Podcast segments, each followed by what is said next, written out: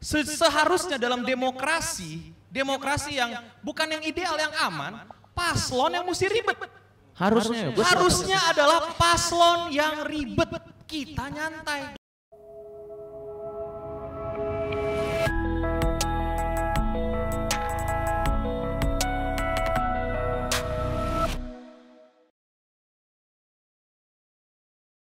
Oke, welcome back to POV 5.0. Oh iya, lebih keren, lebih keren. Seru banget. Itu eh, minggu ini kita akan ngebahas Soal tentang Atta eh, Halilintar. Bukan. Bukan. Kena Badro. Nah, Badro. Bukan. Kita- Sebenarnya jujur ya, kita lebih bebas ngomongin Ata loh daripada ngomongin pemilu, ya nggak sih? Kayak lebih lebih nyaman gitu kita. Eh, belum tentu. Terakhir mereka ngomongin Atta langsung. Oh iya. Iya. Bener juga. ya. Jangan-jangan konspirasi. Waduh. Jangan. Ngomongin Atta itu kan tidak ada edukasi di dalamnya. Kita ngomongin soal pilpres. Keras, keras. Maksudnya edukasi dalam bidangnya Nah masing-masing. iya, iya dong. Saya jadi lebih bijak ya. Iya. Dia tidak ada tutorial untuk gerebek rumah kan nggak ada. Kita nggak belajar sesuatu dari situ. Oke, sebagai channel edukasi. Iya. Nah, yang tidak pernah trending. Ada. Yang, Episode kali- yang mesti pakai nama Coki dan Muslim untuk bisa dapat seribu. Nah, itu baru trending. Sama ini, sama nama-nama Deddy Kobusher. Deddy Corbuzier. Uus, harus ada gitu-gitu. Iya, kalau kalau Eno Bening doang ya. Tidak ke mana-mana sih ngama. Kita mau bahas soal First voters. First voters sebetulnya sebetulnya nggak yang nggak harus yang first voters. Betul. Tapi ini adalah eh, yang perlu diketahui sebagai orang yang mau memilih Ini kan- khususnya untuk para pemilih pertama. Karena banyak banget nih millennials khususnya ada 35 persen. Yes. Ya kan. Terus abis itu first voters itu kan bukan cuma anak-anak millennials yang baru umur 17 tahun saja, tapi ada juga misalnya kayak muslim. Muslim kan first voters hitungannya. Ya kan. Ataupun juga eh, para purnawirawan TNI juga kan yang baru aja melepas jabatannya akhirnya memilih gitu tahun ini gitu. Nah, Jadi kita mau mau membahas bagaimana sih untuk memilih secara benar atau dengan benar. Nah mungkin mungkin bisa ditanya dulu nih, kayaknya dari muka-mukanya udah ada opini-opini ya kita. memilih dengan benar. Yang bilang pakai pensil 2B gue gampar ya. Enggak dong. Ada ya? Enggak gitu dong. Enggak ya? Oke, kelihatan nih. Eh, kita kasih kesempatan dulu untuk Joshua Suherman silakan. Cabut juga nih. Bukan dong. Oke, Putra. Putra Sigar. Kita udah tiga minggu di sini sampai kita cepet-cepet pulang aja ya. Jadi gini, secara uh, subscribers gue para ya millennials ya para pemabuk ya kan. Aduh. Aduh di sebelah. Mabuk informasi, maksudnya mabuk informasi. Enggak, Amer. Ya sudahlah, susah diselamatkan. Apaan informasi? Enggak, gue mau nanya aja. um, juga buat ya kalangan-kalangan yang baru ini, buat first voters gitu. Yang mereka itu harus nilai menurut kalian semua itu tuh apaan? Untuk mereka bikin apa ya memilih yang benar. Ya apa nilai-nilai itu apa aja menurut kalian? Gue kira lu mau ngasih tahu, lu mau nanya. Tanya ngapain gue ngasih tau gue gak tau apa-apa. gue hadir. Gue sangat suka kejujurannya. Iya, gue justru belajar di sini. Betul, betul, betul, betul. Karena gue karena gini gue gue gue sendiri juga bisa dihitung first voters karena dari dulu gue cuma kayak ya udahlah apa aja apa gue kayak serasa kayak lo kayak eh, eh, apa pun yang gue pilih kayaknya nggak ngaruh tapi gue juga setuju yang sama topik lo yang minggu, la- yang minggu lalu Iya, iya, itu minggu lalu tuh. Ah, yang lo mau pilih agar freedom of speech itu Iya. ada gue mendukung itu Ih, masih ingat ya padahal udah. Masih ingat ya. Nah, cuma itu siapa ya kalau yang, yang mendukung freedom of speech Hey. Enggak, jadi gitu. Maksudnya apa contohnya kayak apa dari kalau sisi ya apa sih subscribers gue yang kayak masih milenials mereka kan ya takutnya gampang terhasut atau apa gitu. Nah, gue kan mau apa challenge mereka itu untuk lebih wawasannya lebih luas. Nah, apa eh, apa ada input ya sih mereka tuh kayak patokannya patokannya tuh lu kalau misalnya mau vote lu harus ngeliatin gini-gininya gitu loh. Oke. Oke, mungkin ada yang mau menjawab dulu di sana. Ada nggak ya kan gue gue gue jujur juga pas apa butuh input. Iya, karena kalau jawaban teman-teman bagus ya kita nggak usah ngomong juga. Karena kita sudah tiga minggu ngomong terus kan. Iya. Belum berhenti. mungkin bukan Ahmad Dhani, mungkin mau jawab.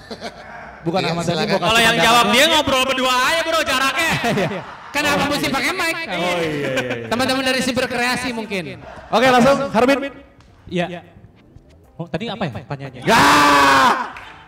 Apa tipsnya untuk untuk Iya. first voters bisa memilih apa aja harus perhatikan? Yang pertama, J. perhatikan fotonya. Iya kan? Foto. Iya perhatikan fotonya. Kalau nggak lihat eh, lihat fotonya gimana mau milih, ya kan? Iya. Foto mana? Yakinin dulu. Yakinin fotonya. Kalau udah yakin, coblos. Gitu. Betul. Yang kedua, yakinin dulu visi misinya. Hmm. Gitu. Yang ketiga, yakinin hati kalian. Mau pilih yang mana? Oh. Gitu. Oh. Itu aja tipsnya tiga. Gitu, Oh, untuk udah. milenial.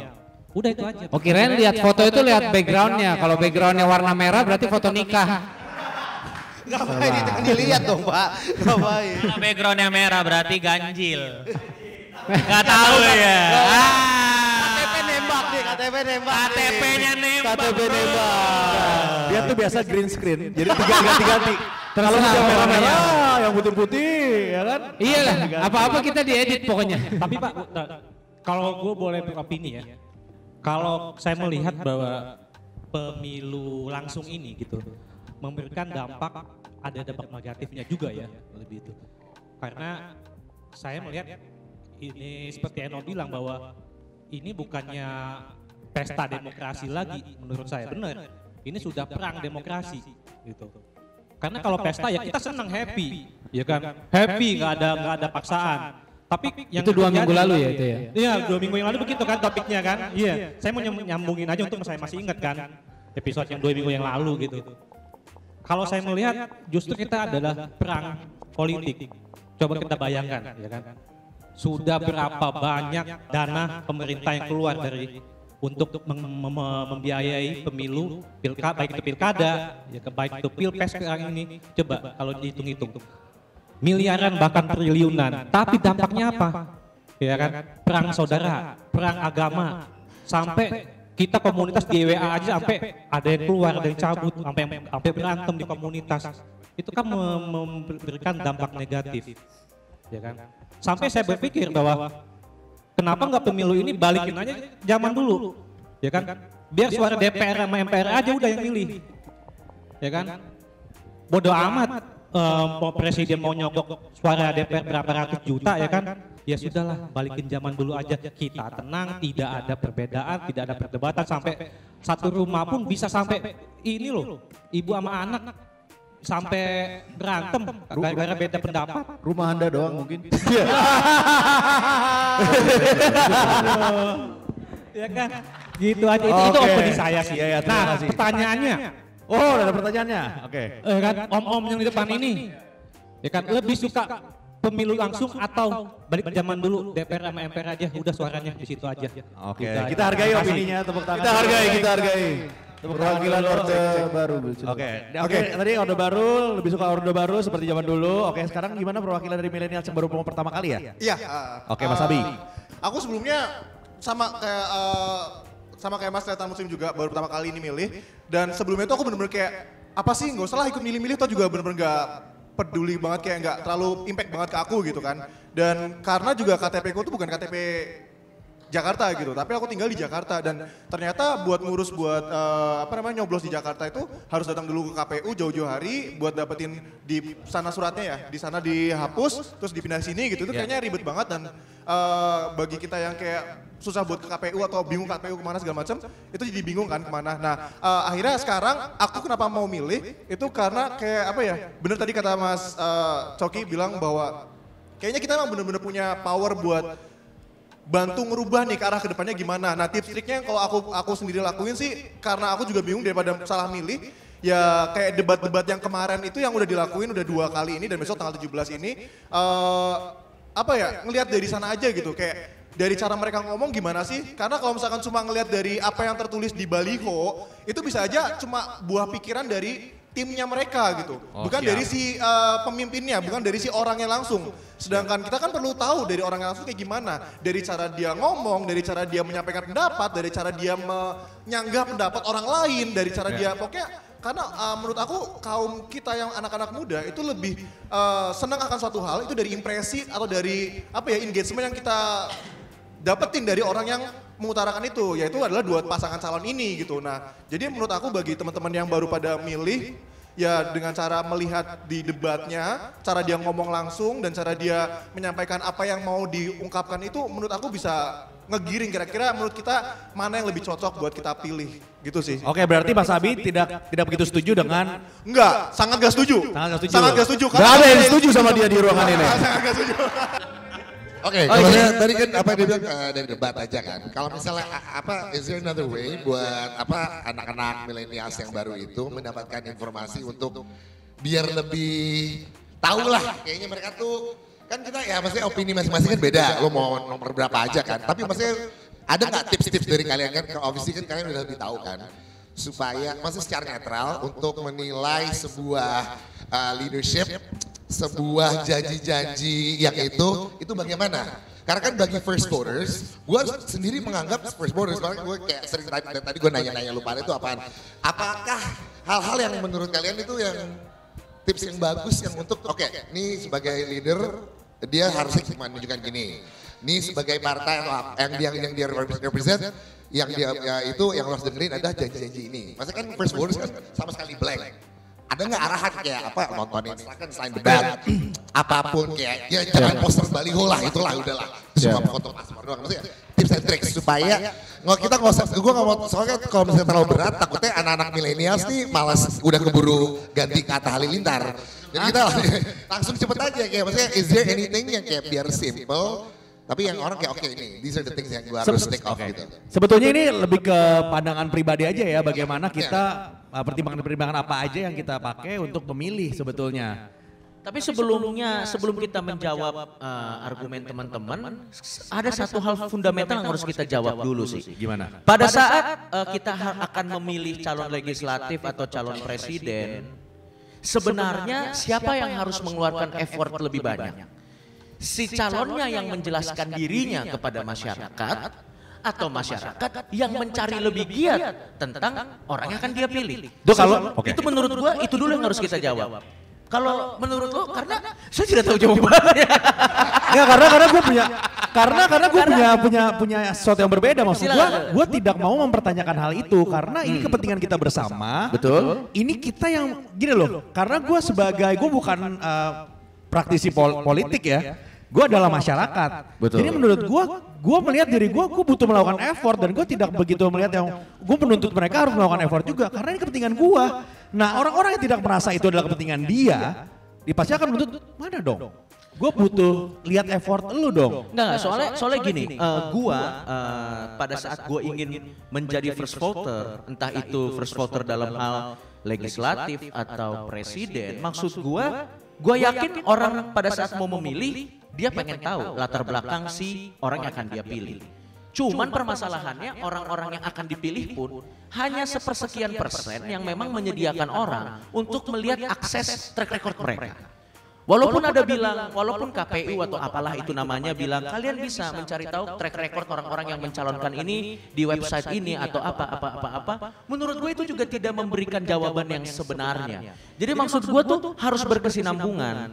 Karena bagaimana kita pengen memilih dengan benar kalau akses ini orang aja kita nggak tahu. Maksud gue contoh nih, pilih saya, saya akan begini, begini, begini, begini. Maksud gue itu jawaban itu jawaban normatif yang pasti semua orang di posisi itu akan menjawab itu gitu loh. Maksud gue emang ya susah banget sih. jujur ya jujur gue tidak begitu peduli sama pemilihan yang lain selain pilpres jujur nih dari gue nih ini personal Iya. opinion gue karena yang seperti itu memang informasi-informasi tentang pasangan eh, tentang calon-calon legislatif itu kurang begitu banyak bisa ditemukan kecuali memang gue kenal orangnya Ya kan Bapak kan kenalnya banyak masalahnya Nah, Pak. permasalahannya saran Iya gua- Bapak kenal banyak. Nah, Teman-teman Bapak itu legislatif semua. Saran gua harusnya Betul, memang betul. harusnya media mainstream itu menyediakan platform. Gua menurut gue yang paling penting Setuju. pemilihan, pemilihan legislatif menurut gue yang paling penting. Karena aturan-aturan ngawur itu munculnya tuh dari orang-orang legislatif ini. Jadi menurut gue yang paling penting daripada pemilihan presiden menurut gue caleg-caleg ini. Karena kalau caleg-caleg ini isinya orang-orang yang nanti isinya Pak, isinya biarkan itu jadi editor, tugas editor aja. Bapak kok ngedit sendiri? isinya Isinya nanti aturan-aturan yang aneh-aneh yang bikin kita trigger. Nah, maksud gua harusnya tuh ini saran gua, mudah-mudahan ditonton. Media-media mainstream memberikan platform buat para caleg ini melakukan debat. Tapi di satu sisi gua juga paham kenapa itu tidak terjadi. Karena pada saat Ratingnya- ratingnya rendah. ratingnya belum tentu tinggi dan iklan tidak masuk. Makanya kalau bisa dibikin debat caleg, tapi ada built-in-nya. Mereka sambil built-in. Misalnya, pilih saya karena saya akan membuat daerah ini makmur. Aduh, aku sakit kepala. Nah, kalau aku sakit kepala, sepertinya minum ini. Nah, Built-in kreatif-kreatif ini disponsori oleh MLI. enggak benar. Iya, Karena iya. menurut gue yang paling krusial tuh pemilihan calon Iya. legislatif. Tapi kalau saya tadi menanggapi Mas tadi dia kalau aku juga first voter ya Mas. Iya. Gimana aku cara mengetahui eh, apa kandidat-kandidatnya? Kalau saya justru nggak terlalu nontonin debat itu Mas. Karena menurut saya debat tuh susah nilai orang dari beberapa jam. Dan saya juga nggak terlalu merhatiin kampanye-kampanye mereka. Saya justru nontonin orang yang review mereka, Mas. Saya, saya menilai kandidat yang saya pilih justru yang ada salah satunya, yang salah satunya Iya. Itu justru bukan dari akunnya mereka, bukan dari partai yang mendukung dia. Saya waktu itu nonton kalau nggak salah di YouTube tuh Astronaci Indonesia waktu itu. Jadi dia membahas soal politik Indonesia, membahas utang-utang Indonesia dan di situ dia membahas soal Pak Jokowi. Di situ saya justru tahu data-data, oh benar juga yang dilakukan Pak Jokowi. Gitu mas. Jadi menurut saya nggak terbatas sumber-sumber untuk mengetahui kandidat yang akan kita pilih, nggak hanya dari partai yang mendukung, dari media yang mendukung. Justru apa pun resourcesnya, justru yang yang lebih jujur menurut saya adalah media-media atau platform yang tidak secara gamblang mendukung mereka. Sama satu lagi, kadang karena minimnya informasi tentang caleg-caleg ini, mau nggak mau akhirnya kita jadi stereotype Benar. memilih dia dari partai apa. Mau nggak mau, mau nggak mau jadi stereotype. Let's say ada partai A terkenal dengan paham B. Kita akan lihat nih caleg ini dari partai mana nih? Ya, ini. Kan kita kan nggak bisa lihat informasi personal dia dong. Iya, iya. Mau nggak mau kita jadi menjelaskan. Belum- belum tentu Belum tentu. Tapi karena informasinya nggak ada, ya jadi yang terjadi sama Iya. kita misalnya contoh ada caleg ini. Itu manusiawi sih. Tapi yang harus kita amini bersama adalah sepertinya memang effortnya akan lebih besar di kita untuk mencari tahu siapa orang yang harus kita pilih. Ya, Iya, karena gitu se- selama bertahun-tahun mereka maksudnya para legislatif maupun juga apa pilpres gitu ya tidak tidak cukup memberikan informasi yang Tapi sekarang yang oke ini, gitu. iya, me- eh, tapi sekarang ini sebetulnya memang lebih banyak daripada yang tahun-tahun sebelumnya. Mereka effortnya lebih besar jauh dibandingin sebelum-sebelumnya loh. Begini, Ya, eh, itu harus diakui, harus diakui itu menurut gua gua. gua mau kritisi dari yang tadi poin tentang sebenarnya dari topik ini sendiri pun ada berarti ada masalah di mana Coki juga pertanyaan sebenarnya cukup tajam walaupun emang hasilnya agak sedikit tidak tidak tidak apa ya tidak memuaskan gitu ya. iya, iya. Tapi pertanyaan tersebut benar-benar nge-trigger tentang demokrasi itu sendiri yang saya pahami. Yang penting mana sih eh, effort dari paslonnya, apa dari kita yang cari tahu tentang paslonnya. Dan tema hari ini adalah langsung ke tema hari ini mendikte kita untuk bagaimana kita menemukan paslon yang tepat buat kita. Itu sebenarnya bermasalah. Karena Bermasalah, kenapa?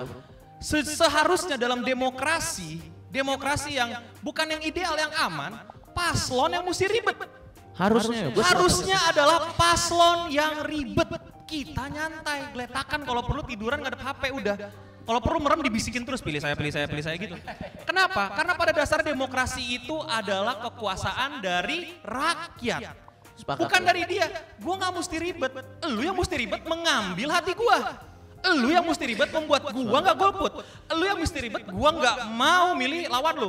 Lu yang mesti ribet membuat gua bahkan jadi turn out jadi simpatisan lu. Yang sehingga kita mau effort dukung lu. Kalau misalnya dibalik seperti yang sekarang ini bahaya banget. Besok besok kita semua rakyat udah jadi apa? Udah jadi robot baterai. Kita yang mesti nyari, kita yang mesti ini. Kita bukannya menjadi semacam pemilik demokrasi, kita baterai aja udah. Disedot, biar demokrasi jalan. Ini bahaya banget kalau misalnya terus terjadi dan terus terjadi. Dan ngerinya tuh caleg tuh sekarang kita kayak pilih kucing dalam karung loh. Karena siapa orang ini siapa ini siapa? makanya dari situlah ini harus refleksi ke sananya dan ini harus dilihat kalau misalnya animo masyarakat tidak peduli jangan salahkan masyarakat ya salah lu. Berarti jangan-jangan selama ini pilihan-pilihan yang yang kalian berikan tidak sesuai sama masyarakat bahkan sampai masyarakat tidak peduli. Dan kalau dalam dasar demokrasi fundamental demokrasinya berarti pemerintahan mesti ditarik balik ke masyarakat. Ada yang salah nih sama penyelenggara pemerintahan sampai masyarakat tidak peduli sama penyelenggaraan pemerintahan berikutnya. Ada distrust, ada ketidakpercayaan, ada keraguan, ada misinformasi dan ada banyak hal yang meruntuhkan pilar-pilar demokrasi itu sendiri. Kalau kita terus-terusan mesti yang cari tahu informasi tentang paslon, kita mesti ber kita mesti kritis sama otak kita apakah demokrasi berjalan dengan lancar di negara ini. Betul betul. Ma- makanya kan tema kita kali ini adalah tips untuk mengenali kandidat. Kita sendiri pun tidak tahu. Karena informasi mengenai mereka pun sangat misterius loh Dan sebenarnya. harusnya bukan kita yang memberitahu.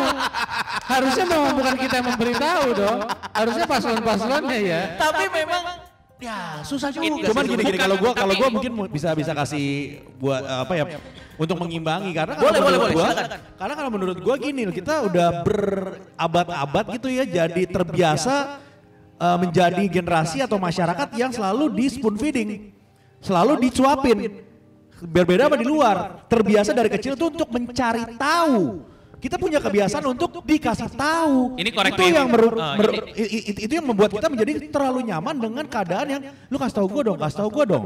Kalau menurut gue kalau di luar itu mereka secara aktif mencari tahu dan itu disuapin. buat ini mereka. ini lu ada disinformasi. Di di luar sana lu silakan cek faktanya. Bahkan di Indonesia tuh kita disuapin. Lu mau tahu suapinnya kayak gimana? Kita dapat surat suara, dapat hak pilih itu disuapin. Di Amerika, lu mau pakai suara lu, lu jalan ke KPU. Lu daftarin diri lu. Ya itu maksud gua Nah. di Indonesia tuh terlalu banyak disuapin. Tapi itu hak lu sebagai rakyat. Kalau lu menganggap bahwa disuapin itu adalah hal yang salah, itu keliru. Dalam demokrasi, rakyat itu harus memegang penuh kuasa akan keterbukaan informasi dan ke kemauan dia sebagai yang Sorry. merebut hati kita. Ini bukan masalah soal salah atau benar kalau menurut iya, gue. iya. Ini masalah mental. Lagi, Kalau nah, menurut gue nah, nih. lagi-lagi, kalau lu mengedepankan ide itu, maka kita akan terus dalam berdemokrasi yang berketegangan, di mana kita di, kita dipaksa mesti cari tahu siapa kita, atau kita nggak mesti dipilih pilih yang paling terbu, terbaik daripada yang terburuk. Kapan kita mau maju ke idealisme yang di mana kita bisa tenang berdemokrasi, kita bisa nyantai, kita benar-benar bisa merasakan pesta Prinsipnya demokrasi. gini. Lu, mau ngomong lu sebenarnya nggak apa-apa. Kita yang harus effort, it's okay. Gue nggak masalah. Cuman masalahnya jelas aja kita nyarinya ke mana. Itu aja sih. Gue cuma minta itu. Maksud gue gini, gue sih nggak kalau idealnya adalah mereka yang effort untuk merayu kita. It's okay. Tapi kalau memang tidak ada idealnya nggak apa-apa. Tapi kalau memang kita harus mencari, kasih tahu aja carinya di mana. Exactly. sekarang Kan kan sebenarnya lu googling aja bisa sebetulnya. Nah, dapil lu dapil apa, lu googling. Nah berarti sekarang kita sudah ada effort. Kalau memang mereka tidak menyediakan, mereka yang Nah. tidak effort, berarti mereka yang salah. Yang ketemu adalah orang-orang yang mau effort. Itu maksud gue. Itu itu namanya prinsip kebebasan dalam dalam dalam dalam perebutan suara di demokrasi. Kok ba- basicnya adalah kan tadi lu bilang kan kita udah nyari dan ternyata nggak ketemu ya salah dapil ya kan? Iya dong, salah-salah kandidatnya yang tidak mau effort untuk cari kasih informasi. Betul sekali dan dari awal pun ketika pun tidak dipilih dari ketika dia menyiapkan informasi, berarti lu mesti lihat emang ternyata kita totali rakyat bodoh yang tidak peduli atau jangan-jangan kita memang rakyat yang kritis yang sudah tidak sesuai sama pemerintahan. Ada dua kemungkinan. Tapi yang yang benar-benar menjadi mesti ditekankan di sini adalah kebiasaan semua dibebankan kepada rakyat. Kenapa kita yang dibebankan untuk mencari informasi? Lu yang kasih informasi ke kita. Lu door to door. Kalau misalnya pun dokter udah nggak dikasih masuk terserah rakyat. Orang lu minta suara rakyat gitu loh. Jadi posisinya jangan sampai ketuker. Kita pemegang kuasa ya reformasi kita balikin kekuasaan perjuangan eh, perjuangan revolusi gimana founding father kita mengembalikan kekuasaan tanah ini ke rakyat gak pernah dibilang Indonesia itu milik milik eksekutif milik paslon. Indonesia itu milik rakyat. Suara rakyat adalah suara yang paling berharga. Kita kita sama tahu kalau suara kita berharga. Bahkan sampai kalian ada yang punya ide kalau golput itu pun ada yang bilangnya salah. Maka dari itu kembalikan dan idealnya ke posisi tersebut. Paslon sediakan informasi. Kalau perlu kasih tahu kasih pamflet baliho segala macam. Itu tugas lu kita terserah bebas. Tapi gue bukannya bilang lu mesti tidur atau apa? Idealnya begitu. Kalau lu mau nyari informasi terserah lu segala macam. Tapi poin pentingnya jangan pernah bebankan tugas informasi. Tugas mendapatkan informasi yang ideal segala macam itu di rakyat itu tugas kalian dalam berdemokrasi menjadi paslon. Kalau enggak kalau ini kebalik terus besok besok apa? Besok besok paslon yang tiduran kita yang cari tahu tentang dia. Mau? Mas, mas, mas, Mas, tapi tapi tapi tapi kalau kalau kalau buat gua kalau buat gua secara secara pribadi ya, kalau kita balik lagi ke eh, tema kita pada hari ini, tips untuk memilih kandidat. Ini kita ber, gue lagi intinya gue berdamai dengan mereka. Gue berdamai dalam artian faktanya memang Iya, iya, sulit. faktanya sulit memang kok. gitu. Saya knowledge kok, tenang aja teman. Tenang, Saya, tenang. saya hanya menggambarkan Makanya- idealnya. Dan saya juga, gue ngerti banget lah di mana ini lagi lagi lagi proses dan nggak mungkin bisa langsung Betul.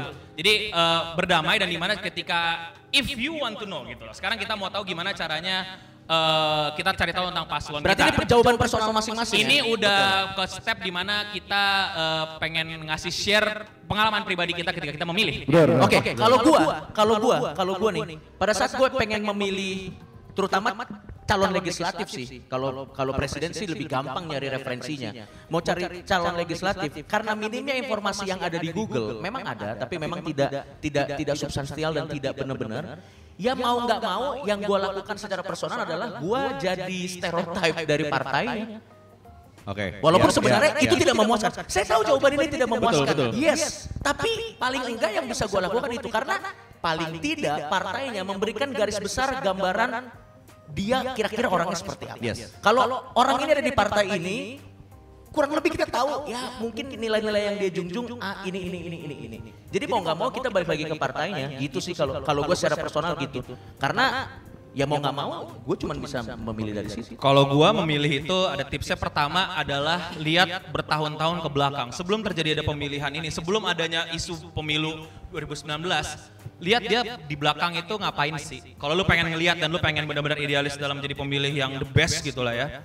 Yang di mana lu uh, pengen tahu ini orang ini gitu, ya lu lihat dia di belakangnya sebelum jadi sebelum ada pemilu ini tuh dia ngapain, kerjanya apa, ngapain, kegiatannya apa gitu. Apakah dia montir, apakah dia pedagang, tukang beca dan lain-lain. Tentu itu jadi jadi, jadi salah satu uh, poin untuk lu menilai kan, dan hasil akhirnya memilih apa tidak.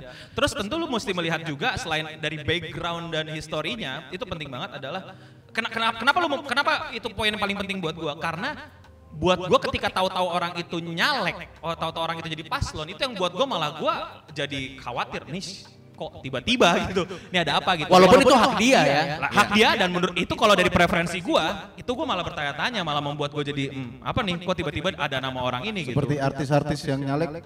Itu makanya kan jadi kontroversi. gitu bahwa nih nih orang tadinya artis gitu. Oke artis ngapain gitu segala macam gitu. Tapi ternyata kalau misalnya artis ini emang selain artis dia juga ikut eh, charity dia bikin organisasi yang peduli lingkungan peduli eh, pendidikan ya nggak masalah lagi-lagi lu yang balik menilai. Kedua adalah lu juga melihat kalau gua akan melihat dari finansial orang ini. Gua nggak mau pilih orang miskin. Sorry sorry aja. Ini gua ya. Terserah lu mau milih orang miskin apa enggak. Iya, gua nggak mau pilih orang yang secara ekonomi bahkan tidak eh tumpah ruah. Gue bakal pilih yang tumpah ruah.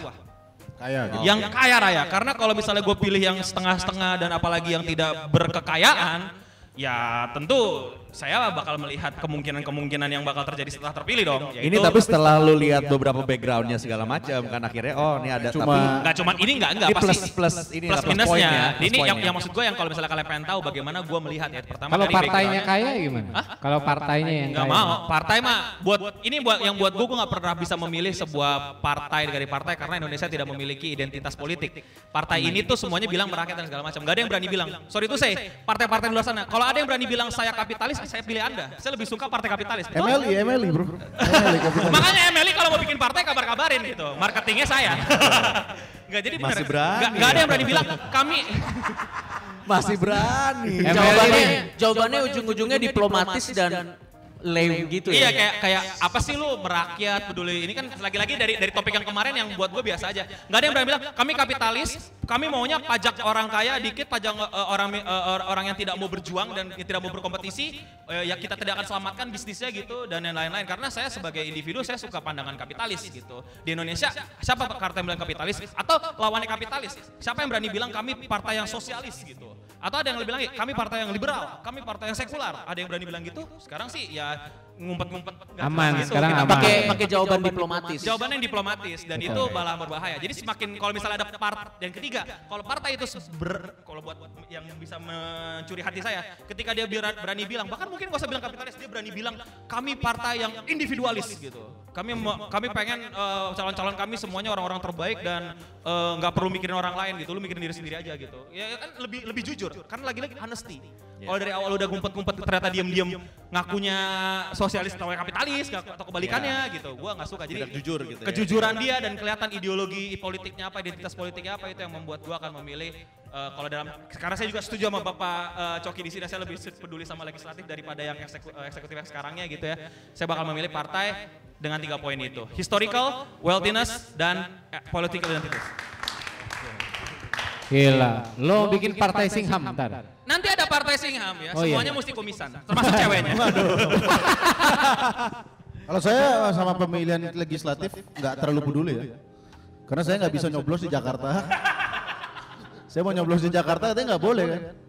Jadi kalau KTP Madura di Jakarta untuk menyoblos calegnya nggak bisa.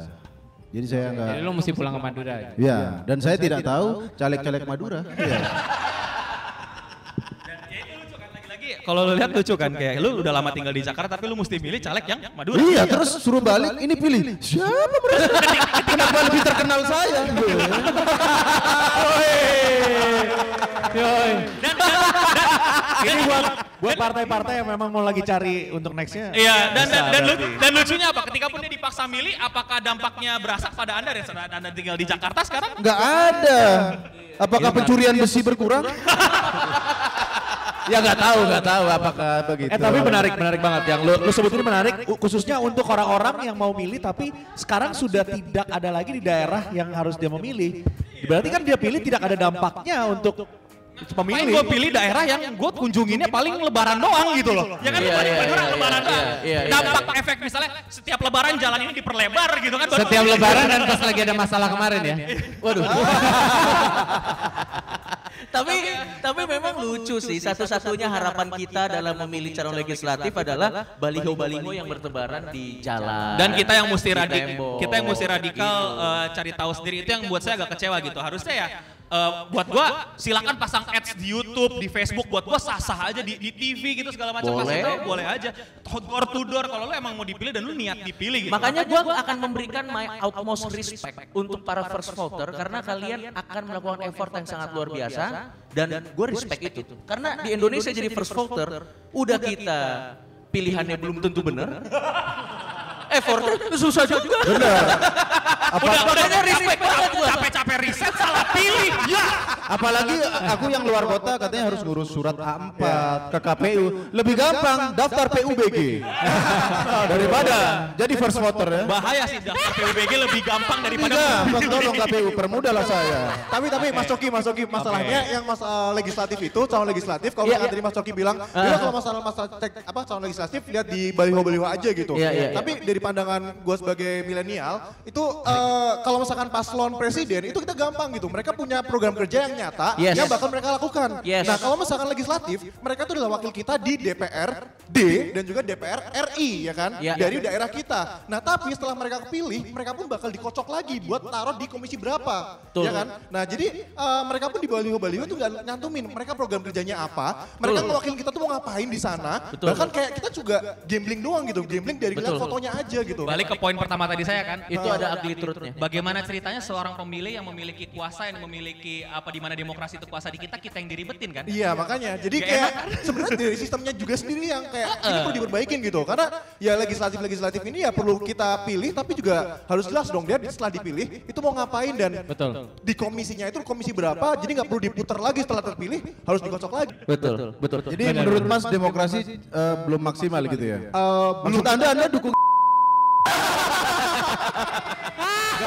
Selalu menyisakan ruang untuk editor susah saya. Nah ke situ. Oke sebelum Reza closing, gue pengen tahu kalau misalkan kalau menurut gue, eh, kalau gue setuju sama sama Coki dan setuju sama Muslim, bagian yang memang kalau gue lebih lebih concern sama pilpres dan untuk kalau misalkan legislatif lebih lebih milih partainya kayak gitu. Ka- Kalau misalkan nggak ada yang gue tahu di nama-nama itu, udah gitu aja simple. Iya, tapi ini sumpah true story. Gue pernah lihat ada satu baliho. Menurut gue ini cukup breakthrough. Dia gambarnya tanda tanya dan dia punya apps di Play Store. Sumpah, lo lihat sendiri ada kan? ada di daerah Kemang ya? Di daerah Kemang, jadi dia ada baliho, baliho kecil gitu. Download, suruh download. Ada di Ingin tahu saya, download apps-nya. Gokil. Sumpah. Ada. Dan menurut gua harusnya tuh effort-effort seperti itu. Oh itu keren. Kan kan ya entah itu ternyata virus atau malware.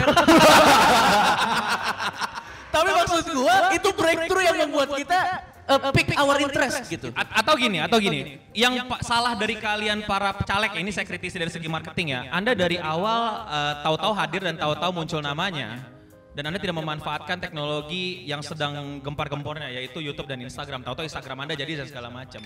Harusnya Anda dari awal kalau udah tahu mau nyalek bikin channel YouTube. Nggak usah jalan bos-bos kalau kalian legislatif diem-diem aja diem-diem. Terus tahu-tahu kalian aja ya. ngomonginnya kemanusiaan apa ide-ide kalian segala macam terus tahu-tahu pakai baju calegnya.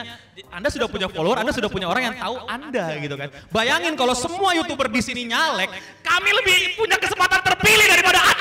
Anda terancam. Karena kami lebih tahu. Baik kami lebih tahu ya, walaupun subscriber, Indonesia. subscriber saya kecil ya, tapi bayangin Ata nyalek. Siapa yang siapa yang kira-kira Ata menang nggak? Oh saya pindah negara. Anda masuk ke mata. tapi, dari dari situ Anda mesti sadar kalau Anda sangat-sangat tidak dikenal. Makanya kalau Anda mau memulai dari kalau Anda mau mau, mau kejar tayang nih ya, mau bikin channel YouTube dan pengen tahu gimana marketing YouTube yang benar, hubungi saya. Nama saya gampang ditemukan di itu. Waduh. Bisa DM Instagram saya, budget konsultan saya cukup murah untuk Pilpres kali ini.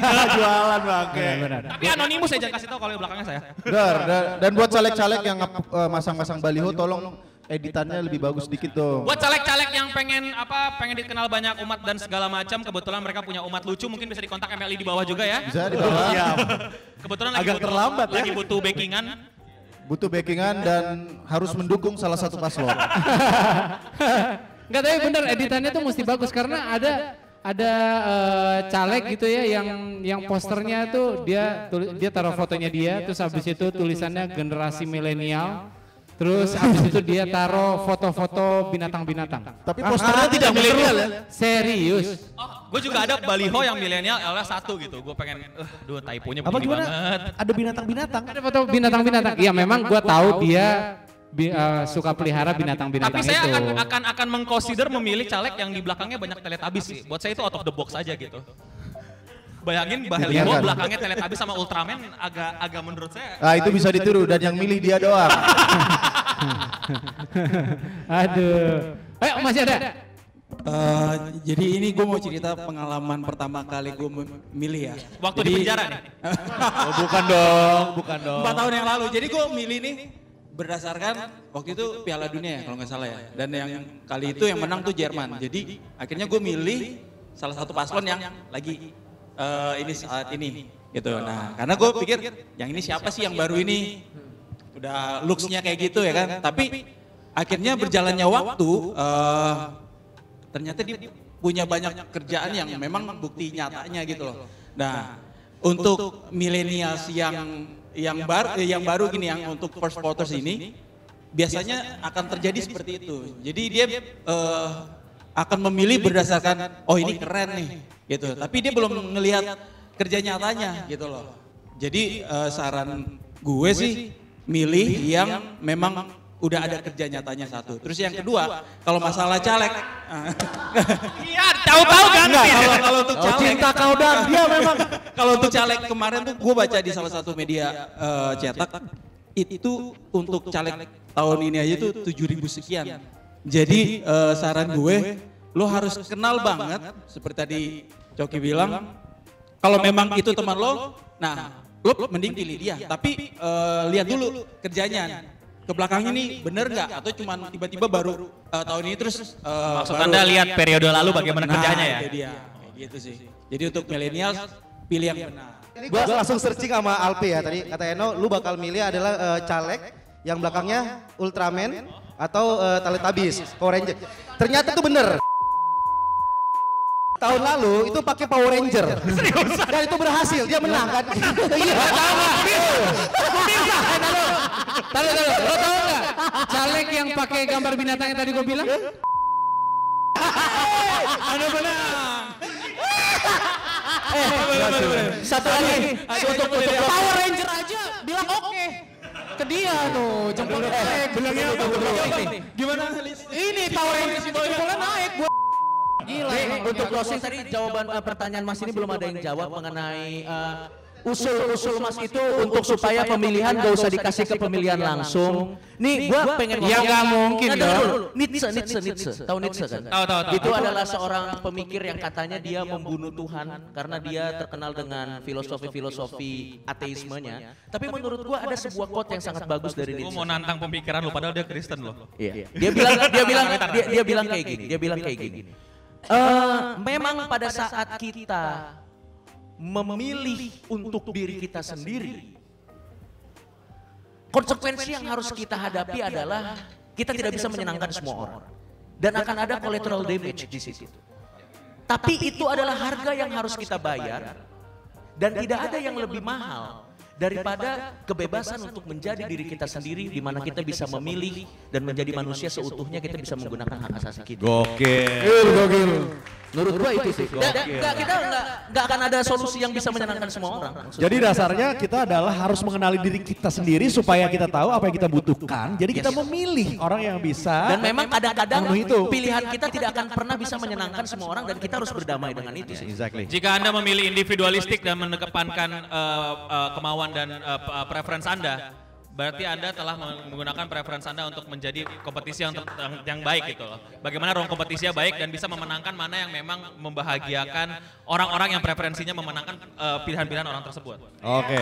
Pada, jika Anda setuju dengan pilihan tersebut, maka Anda seorang kapitalis. Eh, bukan. Nggak ada, nggak ada nggak ada. Ya. Tiba-tiba hidup. Apaan tuh? Oke.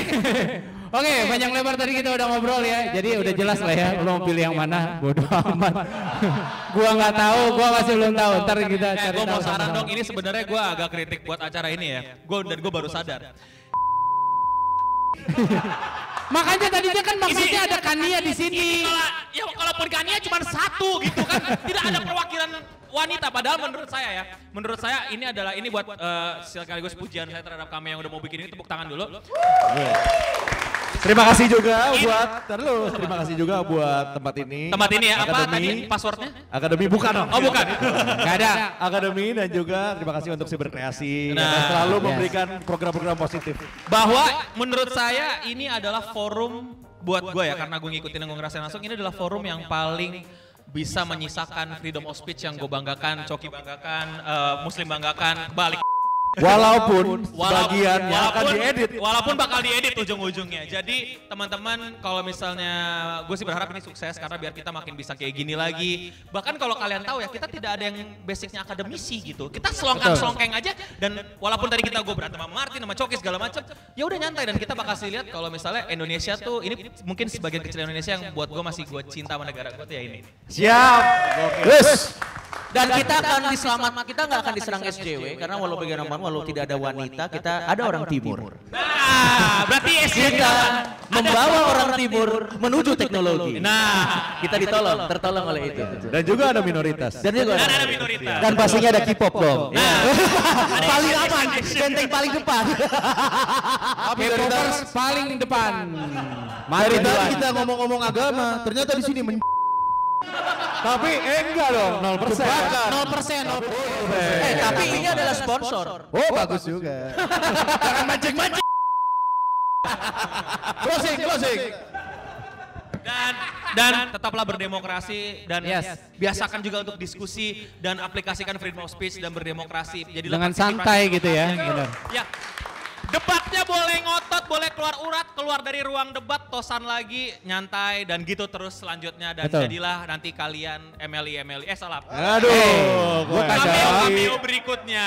Channelnya Cameo ini ya walaupun memang ntar eh, subscribe juga ya Eno ya channelnya Eno terus habis itu subscribe juga MLI yang bentar lagi mau MLI. Dan nyusul juga di Cameo. sini Taruh, taruh, subscribe-nya, subscribe-nya MLI apa eh, Tretan Universe nih? Udah nggak ada, udah nggak ada. Oke, terima kasih juga untuk yang udah di sini semuanya. Yes, thank you. Eh, ada Thank you ya, thank you, thank you. ada ada cek ada ada ada ada ada Fix Production, Fix Production. Sigar, yang sekarang ditinggal Nicole, oke. Oke, terus ada Ada Dhani. ya ada Yoram. channel Republik Cinta. Bukan, bukan.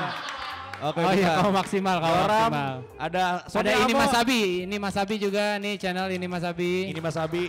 Ya. Alwi Sugoi. Ada Alfiandi. Hah? Apa? Alfian di channel saya. Oh, Alfian dia. Bukan Alfi Sugoi, bukan ya? Sugoi nama Alaido. Aduh, ada Kreator emang ada channelnya? Ada lu ada ada, ada channelnya. Ada channelnya. Wah, Samuan. Tapi mudah-mudahan subscriber kita tidak naik terlalu drastis karena percayalah pada saat subscriber kita 2 jutaan, kita akan sibuk syuting iklan. tidak akan ada di sini. Betul betul betul. Kemiskinan yang menyatukan kita menjadi indie. Bukan kepedulian terhadap negara, tidak. Tidak, tidak, tidak karena miskin kita. Ketika channel kami menyentuh angka jutaan, tidak akan peduli kami dengan politik. Kami sudah terlindungi oleh uang kami sendiri. Tidak butuh wakil rakyat. Oke semuanya thank you for watching.